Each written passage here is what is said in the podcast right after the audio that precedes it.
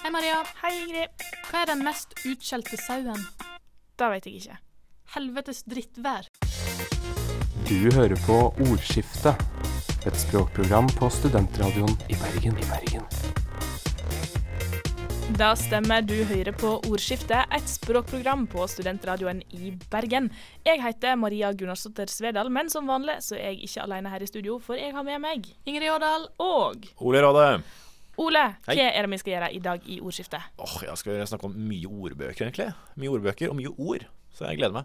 I dag er det altså ord som står i eh, fokus. Eh, Vi får besøk av Margunn Rauseth, som er redaktør for Ordboksrevisjonen.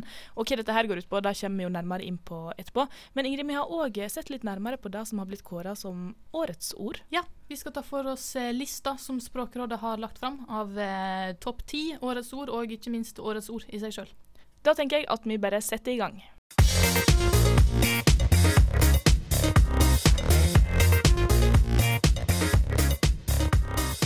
Da har vi fått besøk av Margunn Rauseth her i Ordskiftet. Og Margunn, du er hovedredaktør for Ordbøken. Det er jo en veldig fascinerende tittel. Og hvorfor trenger Ordbøken en redaktør? Jo, fordi at de skal revideres. Da tenker jeg at eh, vi må på en måte først og fremst finne ut hva er ei ordbok? Da kan vi jo begynne med å si at jeg er redaktør for Bokmålsordboka og, og Nynorskordboka, og ikke alle ordbøker. Um, ordbøker eh, kan være veldig mange ulike ting, eh, og det kan være greit å, å begynne med skillet mellom ei ordliste og ei ordbok. For veldig ofte de første ressursene som blir utvikla for språk, eh, er jo ordlister, eh, og gjerne tospråklige. Eh, sånn at en har behov for å liste opp de vanligste ordene i ett språk, og så si noe om her er ekvivalentene eller motstykkene deres på et annet. sånn at em, Typisk at de første samiske ressursene var norsk-samiske. Em, den første norske ordboka som kom, eh, gjorde greie for norske ord, men på dansk. Eh, samme eh, danske ordsamlinger som da ble omsatt til norsk. Sånn at har ordlistene først, eh, og så kommer ordbøkene gjerne litt seinere, der en mer tar med bruken. Eh, hva slags eh, ord som eh, ordet blir brukt la med, altså kollogasjoner, hva slags faste uttrykk det er, osv. Nå er det jo 30 år siden forrige revisjon. Hvorfor eh, trenger vi en eh, ny revidering nå? Både fordi at eh, eh, språket har endra seg mye. Det er mange nye ord som er kommet inn. Eh, noen ord er ikke like aktuelle. Vi eh, tenker at bokmålsordboka og nynorskordboka skal, eh, skal være et slags kjernevokabular i norsk. Ikke det at de fleste brukere har et kjernevokabular på 100 000 ord, men vi skal iallfall ikke ta med det som vi opplever som kanskje litt mer perifere, og vi ser i mindre bruk. Og vi ser at, eh, at noen ord eh, kanskje har endra litt valør. At en bruker dem på litt andre måter. At vi kanskje må sette på litt andre merkelapper. Har du et eksempel på det? Um, ja, altså da kan en jo tenke disse sensitive ordene, da. Eh, der en eh, kanskje eh, for det første oppfatta ordet annerledes for 30 år siden. La det ta, ta det typiske eksempelet neger. Så var jo det gangbart på en annen måte enn det er nå. Men en har nok òg eh, mer i tankene at vi har flere brukere som ikke har norsk som morsmål nå. At vi kan ikke la det passere at ting står der som umarkerte og av andre norske ord, hvis at de blir brukt nedsettende eller eh, ja. Det er jo et veldig godt poeng at liksom språket utvikler seg. Men du, du nevnte nå 100 000 ord. Betyr det at det skal være 100 000 ord i nynorskordboka og 100 000 i bokmålsordboka, og det er på en måte det vi kan omtale som et kjernevokabular for norsk? Ja, det er sånn vi tenker. Og det vil si at i, eh, i nynorskordboka som i dag har 90 000 ord, så, så mangler det en del, og så mangler det ganske mye i bokmålsordboka som, som per i dag har 75 000 ord. Men du snakket jo litt om at det er noe som skal ut av eh, denne, denne ord... Og, og hva er det som legger til grunne for det? Altså Er det arkaiske ord som på en måte kanskje ikke brukes så mye, som skal ut? Eh, eller er det litt, Du snakket om sensitive ord. Eh, eller skal de bare markeres? Altså De sensitive ordene, skal de bare markeres, eller skal de også fjernes av, ut av ordbøkene? Nei, det er kanskje viktigere enn noen gang at de står der. Ja. Eh, ikke minst med tanke på de som ikke har norsk som morsmål. Mm. Um, nei, men ord som skal ut Det er ikke sånn at vi i utgangspunktet tenker at at eh, arkaiske ord er noe dumt å ha, eller Det er jo tvert imot en verdi at hvis det er ord en møter i litteraturen som har vært en del av den norske kulturen, så skal en òg kunne finne dem i disse to, eh, to ordbøkene. Men, men det vi eh, til dagen eh, ser når vi eh, jobber oss gjennom artiklene, det er at det f.eks. i nynorskboka er tatt med mange, veldig mange flere sammensetninger eh, enn det er i Bokmålsboka. Det er en av grunnene til at den er mer omfattende. Og der var det en slags logikk da de, da de utarbeidet det med at eh, i bokmål så eksisterte allerede Tanums rettskrivingsordbok, eh, som er jo stor. Der òg er 300 000 ord. Sånn at hvis en lurte på sammensetningsfuge, skal det være S i dette ordet, eller er det E-fuge, eller sant? Eh, heter det kamelhårskappe eller kamelhårkappe? Um, veldig sentralt ord, forresten. Jeg kom på det. Eh, så, så tenkte jeg at eh, det, det, var en legitim grunn til å ha med flere sammensetninger eh, i nynorskordboka. Eh, men det, det, ser vi at en del av de ryker ut. Ja, så Hva er det som på en måte legges til grunn for at ok, men La oss si at noen ord skal fjernes. Eh, hva mm. legges til grunn for at ok, nå kan vi si at dette her skal ikke være med mer? Ja. Hva, hva, er, hva er prosessen bak det? Da sitter vi med såkalla korpus ja. eh, som er tekstsamlinger. Vi forholder oss lite til muntlig språk. Det vi, det vi, tar utgangspunkt i, er at dette her er skriftspråksordbøker. Mm. Eh, og da ser vi i eh, samlinger som består av uh, avistekst, uh, skjønnlitteratur, saklitteratur, stortingsforhandlinger, ganske bredt sammensette. Eh, ja, sånn grunnpakken vår består av ti ulike korpus som vi driver og sjekker opp mot. Um, så har vi òg eh, frekvenssortert eh, liste. At eh, en har et korpus og så bare rett og slett teller opp hvor mange eh, ganger ordformene er brukte. Eh, og de er, de er, veldig nyttige. Ja. For da ser en For det, det, kan jo ha vært Det hadde jo ikke samme grunnlagsmateriale da de førstegangs redigerte disse ordbøkene. De begynte jo på 70-tallet. Så selvsagt hadde ikke de de digitale samlingene som vi har. Sånn at det ble mer tilfeldig at uh, ja ja, vi kan ta med noen sammensetninger. Så kom vi på et eller annet, eller så var det tilfeldigvis belagt. Mens vi på en helt annen måte kan se hva som eh, reelt sett er, er frekvente ord. Tror du at uh, vi av og til kanskje legger litt for mye i hvorfor et ord forsvinner, eller hvorfor et mm. ord kommer inn? At vi kanskje overanalyserer det litt? Selvsagt. Uh, fordi at den slår jo opp i en ordbok fordi en vil finne svar på et kart. Og mm. da er det fort gjort å tenke at enten jeg finner det eller ikke, så, så er det en dypere mening med det, og dette må noen ha sett og tenkt nøyaktig på det ordet. Mm. Om det skal være med eller ikke. Um, så det kan altså hende at hvis jeg leter etter et ord i nynorskordboka og ikke finner det, altså i, i den ordboken vi finner på nett, så kan det hende at jeg har lov til å bruke det likevel? Ja, med god, god samvittighet kan du det.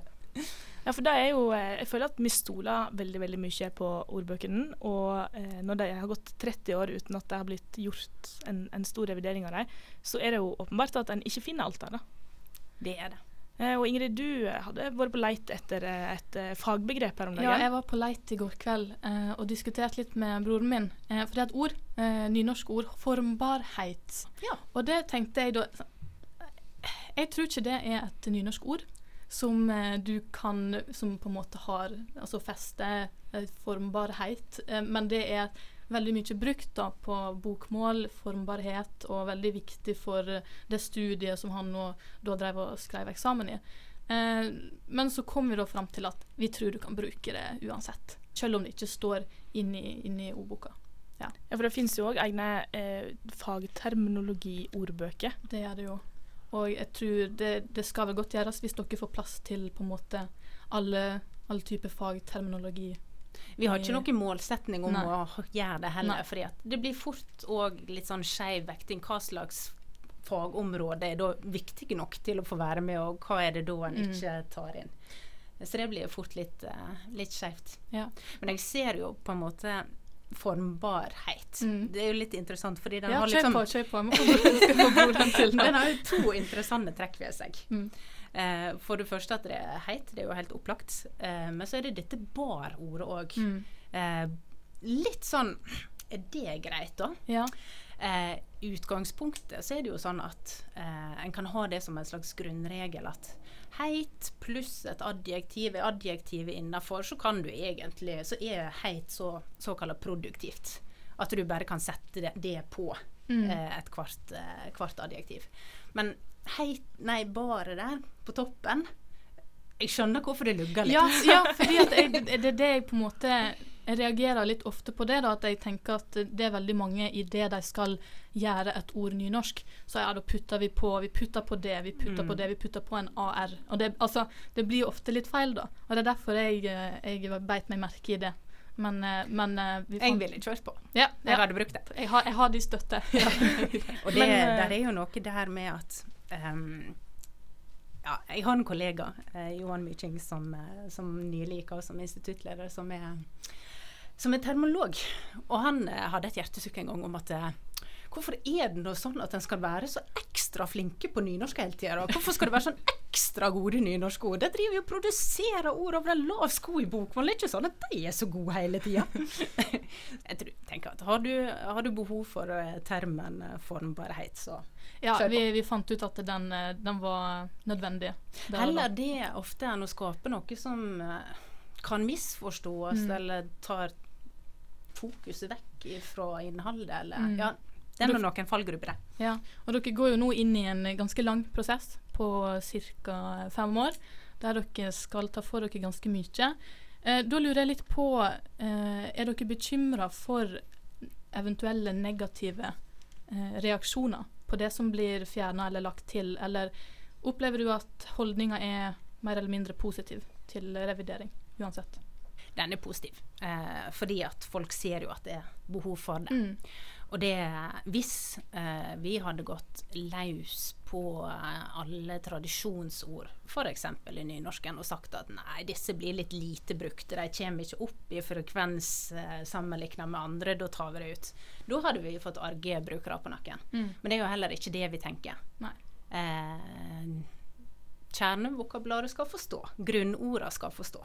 Eh, og det, det er jo noe som er for så vidt eh, viktig å, å si noe om at vi vi har jo ikke noen sånn hellig tro på at korpusa forteller oss alt.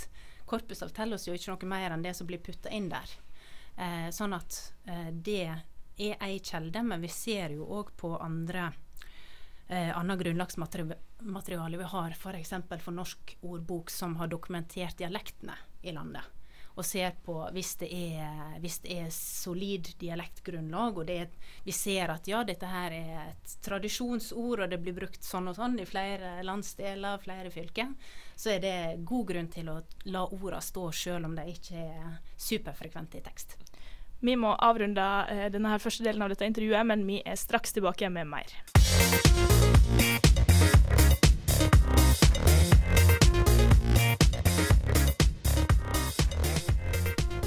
Vi har fortsatt med oss eh, Margunn Rauseth her i studio. Og Ole, du er jo veldig glad i ei ordbok som hun ikke jobber med. Ja, NAOB, altså Akademiets ordbok. Eh, og det er jo på en måte litt forskjeller eh, på ordbøkene. For det er jo sånn at Vi gikk jo litt inn på det med si, terminologiordbøker. Altså Det finnes forskjellige typer ordbøker. Og man kan jo si at NAOB er en slags dokumenterende ordbok. Det ble ganske stor ståhei da den kom ut uh, nå i januar i, i år. Uh, med at de hadde med seg litt sånn engelske ord som hooke uh, og sånne ting. Som nødvendigvis ikke ble sett på som godt norsk. da. Men så ble det argumentert for at dette er en dokumenterende ordbok. Den skal vise hvordan språket faktisk er i bruk. Men det er ikke nødvendigvis helt det samme som, som, som, som deres prosjekt. Nei, og det er jo fint at vi har en slags arbeidsfordeling oss imellom. Med at vi har med færre ordartikler, Uh, og vi har knappere ord, artikler. Vi tenker at eh, brukerne våre skal, eh, selv om de ikke er supersterke lesere, så skal de klare å navigere seg gjennom den og få trukket ut det viktigste. Men eh, det betyr òg at en eh, finner mer utfyllende stoff om en går i de dokumenterende ordbøkene NAOB eller for nynorsk og dialektene Norsk ordbok. Så det er et slags eh, supplementer, altså det- Dere supplementerer hverandre ganske godt. Ja. Uh, og det er jo sånn at uh, din ordbok er jo normerende med tanke på stavemåte og, og, og, og bøyning. Men den er vel ikke normerende i den form at uh, om et ord er der eller ikke. Altså Det er ikke sånn at Hvis et ord ikke er der, så betyr det at den ikke er normert. Nei, og det, det- jeg er jo veldig glad for at dere har lyst til å snakke om det. For det, det er jo noe som er viktig for oss å få sagt at Eh, vi er noen mennesker som sitter der og vurderer, og vi vurderer ut fra de hjelpemidlene vi har, men det er jo ikke noe fasit på språket. Eh, på samme måte som Språkrådet ikke eh, bestemmer hva slags ord som eh, går an eller ikke i norsk. Eh, det er vi som redaksjon som bestemmer om vil vi ha ord eller ikke, er det grunnlag for det i de fleste tilfeller. Eh, og så, så er det da Språkrådet som bestemmer bøying og skrivemåte. Sånn For de har ganske, tilbake til den normerende siden. Ja. de har ganske mye støtte i Språkrådet her hvis de skulle være usikre. Ja, vi har, eh, vi har to eiere av ordbøkene. Det er Språkrådet og det er Universitetet i Bergen. Og når vi sitter og lurer på ah, hvordan skal dette ordet skrives, eh, eller um, hvordan bøyer vi abeia? Er det Eller først er det med j, eller er det Nei, det er nå vel med y. Det kan vi lure litt på. Eh, og så kan vi lure på i nynorsk skal det være arbeida r eller arbeida arr. Eh, og i stedet for at vi skal sitte og diskutere det på møte og klø oss i hodet, så, eh, så sender vi det over til Språkrådet. Og da har vi noen faste personer der i administrasjonen som, eh, som eh, sitter og vurderer disse og prøver å finne mønster, andre ord som kan likne litt, og se om de kan gjøre et vedtak på grunnlag av det. Såkalt løpende normering. Eh, og hvis at de blir veldig i tvil, eller det er ei en sånn mer prinsipiell sak, så kan den gå videre til noe som heter Fagråd for eh, normering og språkobservasjon. Og eh, ja, et ord de hadde før seg nylig, var eh, chat. Én eller én chat. Fordi at veldig mange bøyer det som chatten med to t-er. Skal da en, eller den ubundne former være med enkel eller dobbelt t? Det er noe jeg faktisk aldri har tenkt over at kan være problematisk, men det gir jo utrolig mening. Ja, sånn at eh, normeringsvedtaket der var at eh, på, uh, på bokmål kan du skrive én chat med én T og én chat med dobbelt T. Så da var det noen andre enn dere som måtte finne ut av svaret. svaret. Men det er jo litt kult da at noen ord må gå gjennom såpass mange Mm. ledd før, det, før vi kan bestemme hvordan vi skal skrive dem. Ja, og på toppen sitter det jo et styre i Språkrådet som kan si at ja, ja, det, fagråd, nå gjorde dere noen dårlige vedtak, dette her eh, får dere gjøre en gang til. Eh, sånn at eh, det er mange instanser eh, som, som skal jo òg være med å sikre at det er kvalitet, og at en ikke fatter vedtak som er lite holdbare. For det, eh, det er jo en del av kritikken mot hele Språkråds historie at der sitter noen folk, og så blir det personlig. Eh, og lite systematisk. Det ene blir vedtatt sånn, og så kommer noen andre folk inn, og så syns de på en annen måte, så blir det vedtak og sånn og sånn. sånn at En ønsker jo at det skal være stabile eh, rettskrivinger i, i begge målformer. Unngå en ny språkstrid, med andre ord. Det er jo ingen som liksom ønsker seg tilbake til bålbrenning og den temperaturen Nei, Jeg tror kanskje Ola akkurat kunne tenkt seg å ha opplevd det. Ja, ja jeg vil, jeg vil Litt trist at du er ung. Ja, jeg, jeg, jeg er ung for det meste, egentlig. Men du var jo innom deg i stad, Ole. F.eks. ordet hooka, som kom med i NAOBs ordbok. Eh, Mm. Vil sånne type ord være med hos dere, eller er det på en måte noe vi avventer fordi de kan være døgnfluger? Det er en definitiv døgnflugekandidat. Og det vet vi jo òg noe om, om ungdomsspråk generelt, at ingenting kan jo drepe sleng som at voksengenerasjonen begynner å bruke det. Det, da er det så det kan Utrolig godt poeng. Eh, sånn at eh, det får vi jo se om ti år, da.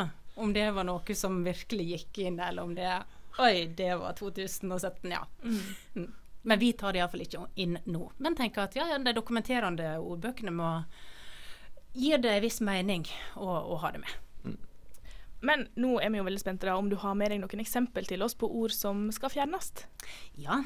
Eh, det kan være greit å bare si noe generelt om at eh, at vi er ikke så opptatt av at eh, ord ikke er gode eller ikke verdige til å være med. Eh, det vi tar ut, er veldig ofte basert på at eh, de rett og slett ikke er i bruk.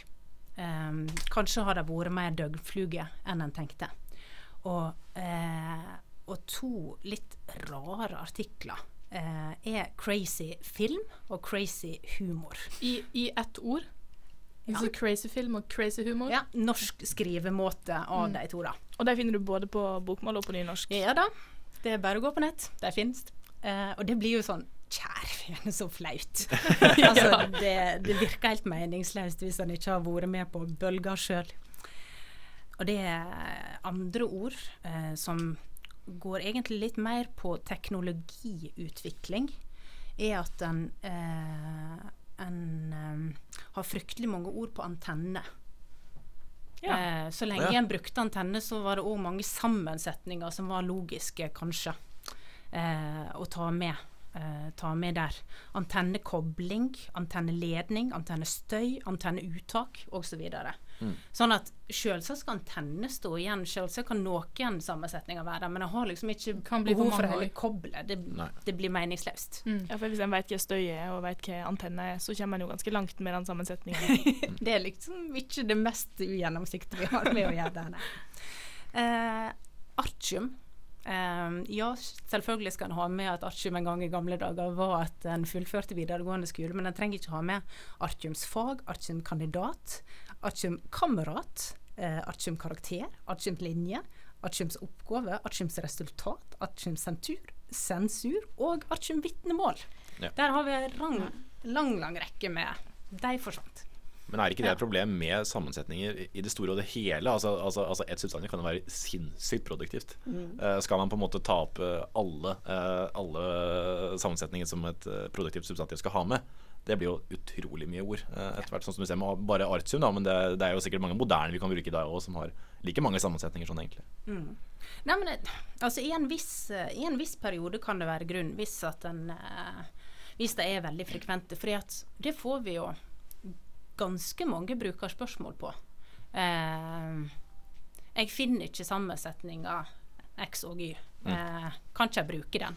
I alle fall hvis jeg finner den i den ene, men ikke den andre. Da går det litt i kryss. Eh, sånn at vi må ha med flere sammensetninger enn en kanskje skulle tro. Ja, Men hvis man på en måte ikke finner sammensetningen i Hva er ditt tips til dem? Altså er det Bruk den sammensetningen som du føler for. Eh, Det er, det er tipset. Ja, altså Finner en det ene ordet og det andre, så er det jo bare å slå Ja, det ja, ja. hop. Det er ikke noe Det kan jo fort bli en ganske stor eh, mølje med ord der, da. Ja, men det er vel sånn, altså, sånn produktiviteten fungerer. Altså, norsk er sånn. Ja. Mm. Det er et fantastisk produktivt og fint språk som eh, vi kan gjøre egentlig det meste. Da tenker jeg at vi må la være siste ord. Det er jo veldig kjekt når folk eh, skryter av eh, norsk. Em, men så må vi bare si tusen takk for at du kom til oss her i studio, Margunn Rauseth. Og masse lykke til med å gå gjennom hele alfabetet og alle ordene du kommer over. Takk, da. Du lyssnar på Ordskifte, et språkprogram på Studentradion i Bergen.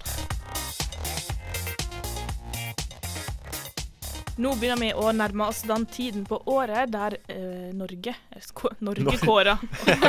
Kongen! Språkrådet. Kongens Ja, Språkrådet kåra årets ord. Og de publiserer da ei topp ti-liste der ordene er henta fra ulike områder av samfunnslivet. Eh, men det er noen krav til disse ordene. De må være aktuelle, mye brukt, levedyktige og ha god språklig kvalitet. Så er det òg en fordel om eh, de ikke er eh, engelske, fordi at de må passe inn i et norsk orddanningsmønster. OK, nå tok vi alt det formelle først. Vi skal gå gjennom topp ti-lista av årets ord, før vi avslutter med det som har vunnet årets kåring, som det ikke er Norge som har kåra, men Språkrådet. Ole, take it away. Ja, nummer ti er da gladbobler. Jeg ble litt overrasket selv. Jeg visste ikke hva dette var i det hele tatt. Det, kan, altså det er sikkert min egen feil, at jeg ikke har fulgt med så veldig mye i nyhetene og sånn. Nei, men Eh, jeg har faktisk ikke hørt om det heller. Nei, uh, så jeg syns ikke det var et sånt veldig godt ord. Og jeg, jeg, det var ikke veldig intuitivt heller. Gladbobler trodde jeg var noe annet enn det er. Eh, For det der, det stammer fra en hendelse under en Nato-øvelse, altså den Nato-øvelsen vi hadde her, eh, hvor en offiser da oppfordret naboer til å nyte synet av denne øvelsen eh, med et glass med bobler. Dette skapte jo harnisk, da, for det, det står ikke svar til hvor seriøs denne øvelsen er. da. Kampøvelse skal vel ikke være underholdning? Nei, det kan du si. Men Nei, det er jo reaksjonene går på. Jeg syns det kanskje er litt våsete å hisse seg sånn veldig opp, men Men Gladbobler fikk da en tiendeplass i kåringen. Hvem kom på niendeplass? Niendeplass er da påvirker fra dette engelske ordet influencer. Eh, Jeg vet i hvert fall at ikke det var influencer som eh, Ja, kom her. Spylyder jeg ikke, jeg liker ikke dette, fordi at jeg føler uh, Kanskje det ikke er helt ferdig tenkt, uh, men jeg er glad for at det får et norsk ord. Det jeg. Påvirker. Og sånn sett så burde jeg jo bare droppe den lyden. Men jeg tenker ordet influenser og påvirker generelt, det, det er jo eh, Nei, det er jo bra at, eh, at dere får en plass på lista, fordi at det er nettopp veldig dekkende. Men jeg, eh, jeg har gått meg litt lei av det. Du er lei av, men du er rett og slett lei av det som er påvirka, da? Ja, eller ja. Jeg, nei, ikke sånn rent konkret, kanskje, men det at det er så vanvittig mange påvirkere. Altså, jeg tenker, Selv om du har mange følgere på Instagram, Facebook, hva enn det er for noe, så er ikke du nødvendigvis Altså, det er veldig mange påvirkere, da. Samtidig så er det òg viktig faktisk eh, å ta ansvar for hva du legger ut av det du, det du driver med da, på de sosiale kanalene. Så sånn sett så er det jo egentlig veldig bra. Ja, jeg føler at det er kanskje litt stigma til på, påvirkere også. Ja. Altså, altså de, som, de som kaller seg selv for påvirkere, eller de kaller seg ikke for påvirkere, for de kaller seg for influencers.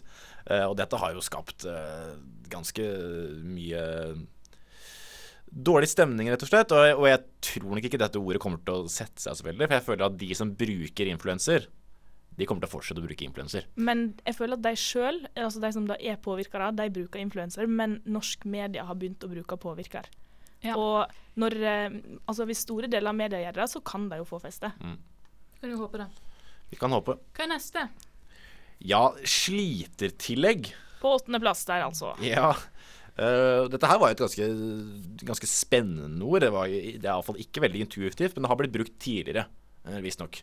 Uh, og dette er jo da ble brukt i lønnsforhandlinger, men det ble brukt i lønnsforhandlinger i år. Om en overgangsordning uh, med tanke på at AFP, altså avtalefestet pensjon, forsvinner. Uh, avtalefestet pensjon er jo eh, en type pensjon som gjør at man kan pensjonere seg tidligere. Spesielt er dette i yrkesgrupper hvor man har en ganske slitsom jobb. da. Eh, Så da er det på en måte helt legitimt å, å, å pensjonere seg tidlig. Uh, skal vi se, fra fri fagbevegelse Jeg var litt usikker på hva, dette her, hva det ordet betydde, så jeg bare rett og slett fant fra fri fagbevegelse. Kanskje ikke den mest uh, eh, o- objektive kilden, men eh, tillegget erstatter det som i dag er dekket opp av sluttvederlagsordningen. Slitertillegg kommer i tillegg til å tette hullene i AFP-ordningen og er tenkt for de som ikke kan kombinere avtalefestet pensjon, altså AFP, med å jobbe ved siden av.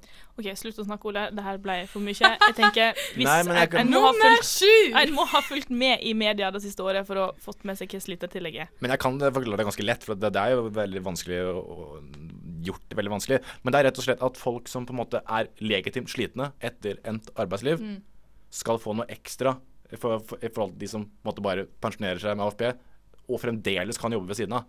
Det er det slitertillegget er, da. Takk skal du ha. Ingrid, du er klar for nummer sju. Hører med her på sida. Videoassistert dømming. Det er jo en eh, god ting å ha på lista. Jeg tenker Det er jo, eh, ble jo brukt da for første gang i stort mesterskap under VM i sommer. Eh, og For Fifa så er jo dette her eh, Det har jo fått litt omtale. For Fifa det er det null, null økonomisk eh, problematikk knytta til å få innført det. Men for eh, Norges Fotballforbund så er det jo litt annerledes. Det er jo eh, ganske mye penger det er snakk om, rundt 20 millioner. Men de fleste er veldig positivt innstilt til det her. Eh, men det er økonomiske utfordringer knytta til det.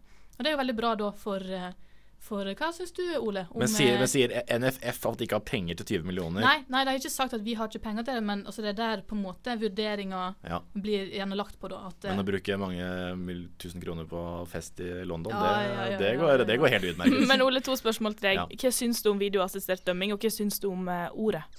Videoassistert dømming, det håper jeg blir, men jeg tror nok man kommer til å bruke VAR fremdeles. At det kommer til å bli brukt.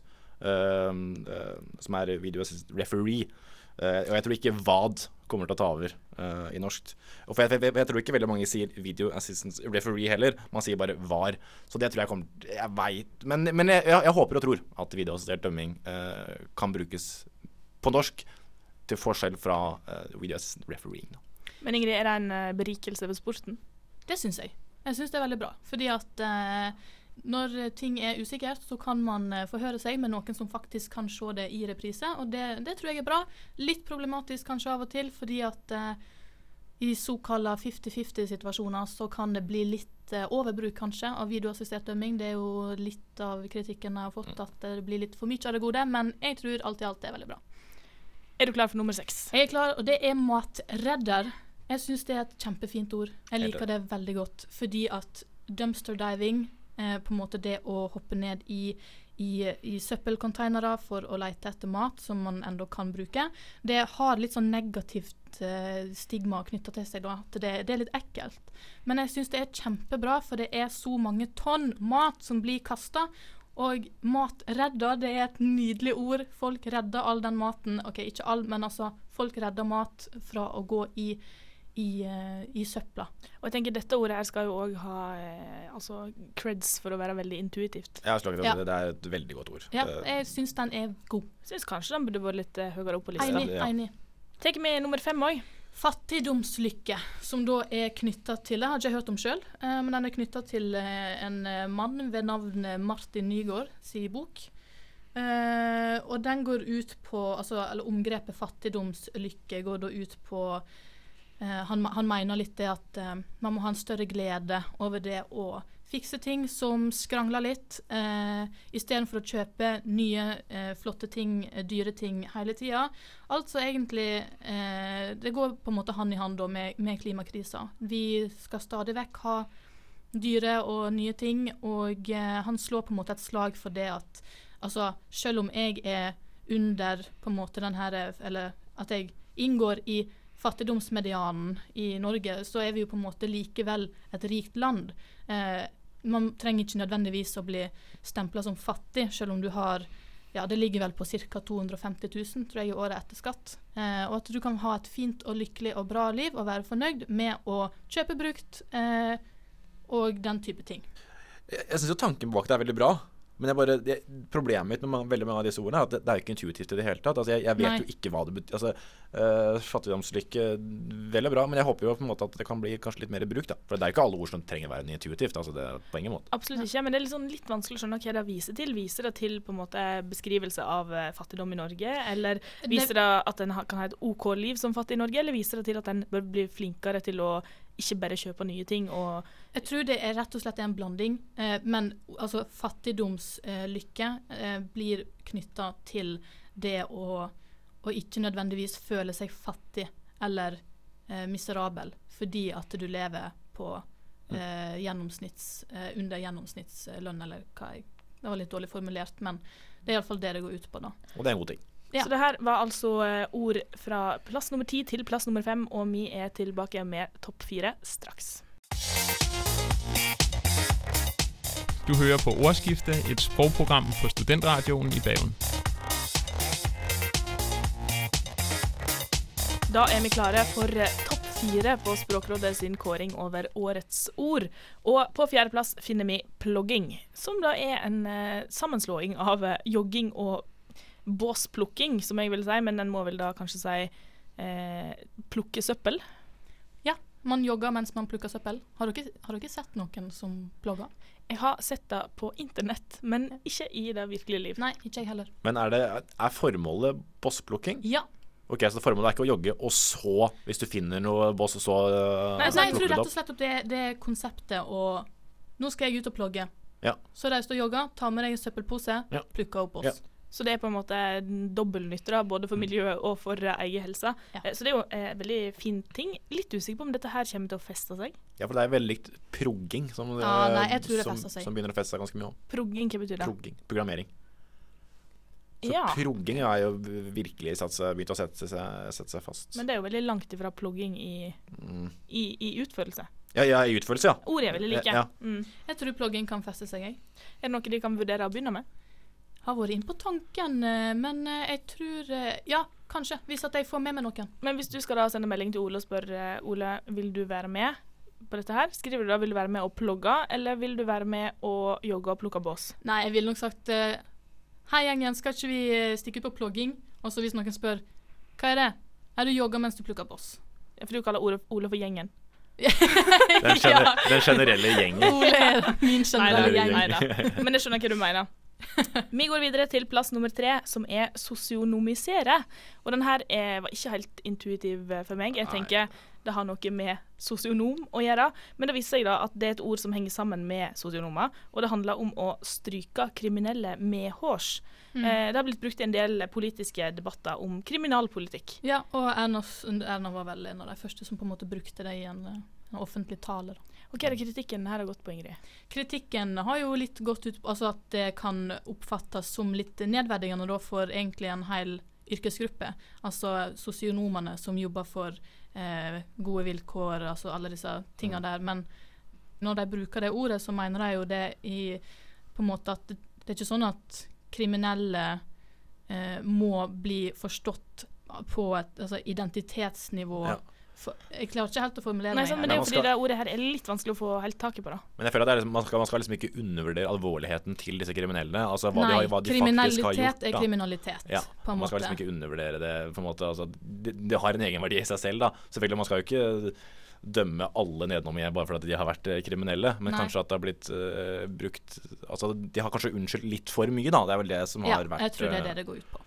Litt underlig å dra inn ei hel yrkesgruppe for å lage et nytt ord her, men eh, det får nå være greit nok, for vi må videre til nummer to, som er grottegutt.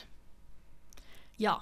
Og hva tenker de på da? Jeg tenker Da tenker jeg på eh, denne, denne gjengen som var, befant seg i grotta, disse unge guttene som ble fanga i disse grottene sammen med treneren sin. Eh, men jeg eh, syns ikke det er veldig treffende eh, grottegutt, eh, annet enn at det har bokstaver inn, og det er jo alltid bra. Men, eh, men jeg tror ikke det er jeg tenker, jeg tenker ikke på den hendelsen umiddelbart når jeg hører Nei, grottegutt. altså, altså, Grottegutt, det hører nesten nedverdigende ut. Ja, altså, jeg Altså, Det det er er, jo det sånn, er et eller på det ordet som bare det, ja, Jeg føler det er ganske åpenbart hvem vi sikter til. Det er jo den hendelsen i Thailand der det var tolv eh, spillere på et fotballag, og treneren deres som var inne i ei grotte i mange, mange, mange dager. Mm. Men så de ordet grottegutt? Nei. Jeg så Nei. grottedrama, for eksempel, men grottegutt? Nei. Men, men, men bare hør på ordet. Det, er, det, det bare føles ut som Det er noe du blir kalt på i norske skole, skolegårder. Altså, de, de jævla grottegutt, på en Ja, måte. men jeg syns ikke det dekker på en Nei. måte tragedien Nei, de ble utsatt håpløst. for. Jeg syns ikke grottegutt er liksom Nei, jeg syns ikke det er treffende. Jeg syns òg det er veldig rart at et ord som jeg på en måte ikke har sett i bruk, skal være med og bli kåra til årets ord. Så da er det jo sikkert en god grunn til at det ikke vant, fordi på Mm. førsteplass så finner vi Skjebnelandsmøtet. Ja. Ja. ja Og Ole ler. Ole Jeg syns det er så håpløst, dette her. Eh, For, for, for det første så mener ikke jeg at det er liksom skjebnelandsmøte altså om en ti år, så tror jeg ikke jeg kommer til intuitivt OK, dette er KrF, på en måte. Eh, Jeg, jeg, jeg tror ikke jeg kommer til å gjøre det, selv om jeg KrF høsten 2018. Ja. Oh yes, det var dramatisk, og alle satt og fulgte spent med. Det var skjebnen til KrF Ja. som skulle bestemmes. men, men sånn som Askefast, som også var bare var én hendelse som skjedde da, det, det også ble nyord for noen år siden. Mm. Da tenker jeg jo med en gang på For det, det satte seg jo skikkelig fast, dette her Askefast med denne her vulkanen. Jeg husker ikke hva denne vulkanen het, jeg. Eh, for det var ganske langt islandsk navn. som, som stoppet all flytrafikk. Og det husker jeg enda. Men jeg tror ikke om en ti år så kommer jeg til å tenke på skjebnelandsmøtet. Ja, det er KrF. Det er eh, Men jeg, jeg faktisk jeg er, jeg er delvis enig, men òg litt uenig. For jeg tenker at altså, Poenget her er jo det er jo et begrep som virkelig har satt seg. da. Alle har jo snakka om dette her. Skjebna til KrF. Det er historisk. Det er en grunn til at dere får førsteplassen. Men jeg tenker jo samtidig så tenker jeg òg at eh, noen av de andre kanskje kunne ha kommet eh, lenger foran på lista. At de kunne ha fått en, eh, en femteplass, men eh, altså Ja, for kan jeg spørre dere, Hva er deres favoritt? Hva ville de ha satt på førsteplass av disse her? Og Da må vi jo ha i bakhodet det eh, Språkrådet legger til grunn, som er at eh, det skal være fra ulike områder av samfunnet. altså Det er jo de forskjellige ordene. Men at det er viktig at de er aktuelle, mye brukt, levedyktige og har god språklig kvalitet. Matredder. Det er din favoritt. Det er min favoritt, absolutt. Fordi at det er aktuelt. Klima trenger ikke forklare hvorfor engang. Tonnevis av mat blir kasta. Hva er problemet med at folk Altså, det, jeg syns det er kjempebra at det blir løfta fram et positivt lada uttrykk for dumpster diving. Og jeg tror det vil sette seg, fordi folk vil heller bruke det. Og det blir sett på som en gevinst for samfunnet. Og derfor tenker jeg at matredder burde faktisk fått førsteplassen. Jeg er helt enig i det. Jeg synes I tillegg så er det jo eh, et ord som er sammensatt av to norske ord vi har fra før. Eh, Det er veldig intuitivt, enkelt å forstå, og noe som en da kan ha lyst til å være. Alle skjønner hva det går ut på, med en gang. Ole, da har du en annen favoritt? Nei, jeg har ikke det, men jeg skal ikke være så kjip at jeg også tar matredder. Altså, jeg får ta min uh, nummer Hva ville du ha gitt andreplassen? Jeg tror faktisk det må bli plogging, for at uh, rett Mm. og slett uh, jeg, jeg vet ikke helt hvorfor. Jeg bare, Er vi litt jeg- jeg bare- klimaengasjerte her i dag? Jo, men jeg tenker også, hele lista så ser en jo at det er at klima Ja, er viktig. Absolutt. Og det med god grunn. Men- ja, men- I aktualiteten av den. Vi har plogging, vi har fattigdomslykke, der vi òg var innom det her med altså overforbruk av tekniske nye duppeditter hele tiden. Mm. Og ikke minst av matredd, der det blir tre altså veldig miljøretta ord. Men det, er, men det er nok også min topp tre, for jeg syns at tanken bak fattigdomslykke er egentlig veldig bra. Enig. Og jeg kunne ønske at man kunne finne et eh, passende ord for det. Det eneste som er problematisk, er jeg tror ikke det er noe som kommer til å på en måte sette seg like bra, eller som jeg sjøl føler har satt seg veldig. Men det, det er en god mening bak Ja, og, ja, og jeg føler at jeg trenger et ord. Ja, altså, altså Hele dette begrepet med at man på en måte alltid kjøper nytt og sånn, det, det burde få seg et ord. Det som jeg føler, altså, altså Denne situasjonen burde få et ord. Men Mm. jeg tror ikke fattigdomslykke er det. Uh, det tror jeg ikke. Men jeg tenker òg at uh, der på en måte matredder og plogging slår fattigdomslykke litt, er at det, det er mye mer konkret der de refererer, refererer Ja. til. At fattigdomslykke kan jo på en måte brukes om mange aspekt innenfor det temaet som vi var inne på i stad. Mens matredder, hvis du er en matredder, så er det veldig tydelig hva du er. Hvis du skal på plogging, så vet alle hva du skal. Mm. Og så virker det litt sånn, altså, altså litt sånn bak ordet. Altså fattigdomslykke, så er det sånn at du må nesten være fattig. Eller, eller, eller være i den klassen som kan klassifiseres som fattig for Mm. å drive med det. Men Og det, og det kan jo hende at jeg leser det feil, men for meg, jeg ser det på en måte, jeg tolker det iallfall personlig som et litt sånn mer og større, overordna eh, oppgjør med litt bortskjemte nordmenn, da. Egentlig. At man trenger ikke Forbrukersamfunnet Ja. eh, generelt. Altså det er det Mm. man på en måte prøver å få til livs her. Spesielt med, og det gjør det med, med matredere òg. Det, det, det er jo Mm. dette forbrukersamfunnet vi, vil- vi vil på en måte prøve å redusere.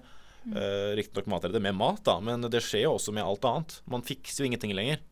Man kjøper bare nytt. Det jeg tror vi skal konkludere med her, er at ordskiftet plutselig fikk et ekstremt miljøengasjement, og vi er ikke helt enige med Språkrådet si topp ti-liste.